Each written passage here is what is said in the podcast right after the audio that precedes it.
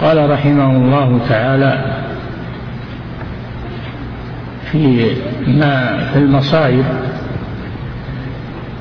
ما يصيب المسلمين من المصائب أكثر مما يصيب الكفار.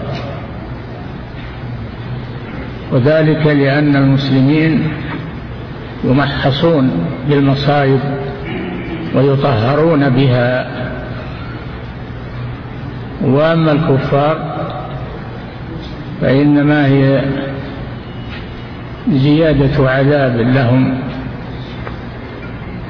والمسلمون يقتصر عقوباتهم في الدنيا أما الكفار عقوباتهم والعياذ بالله في الآخرة.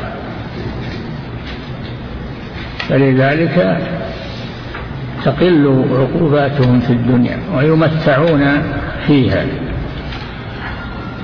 وأنتم ترون الآن الكفار وما عندهم من القوة ومن الأموال ومن الحضارة ومن متاع متاع قليل.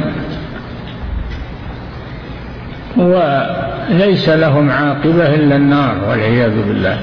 الذين كفروا يتمتعون ويأكلون كما تأكل الأنعام والنار مثوى لهم. نعم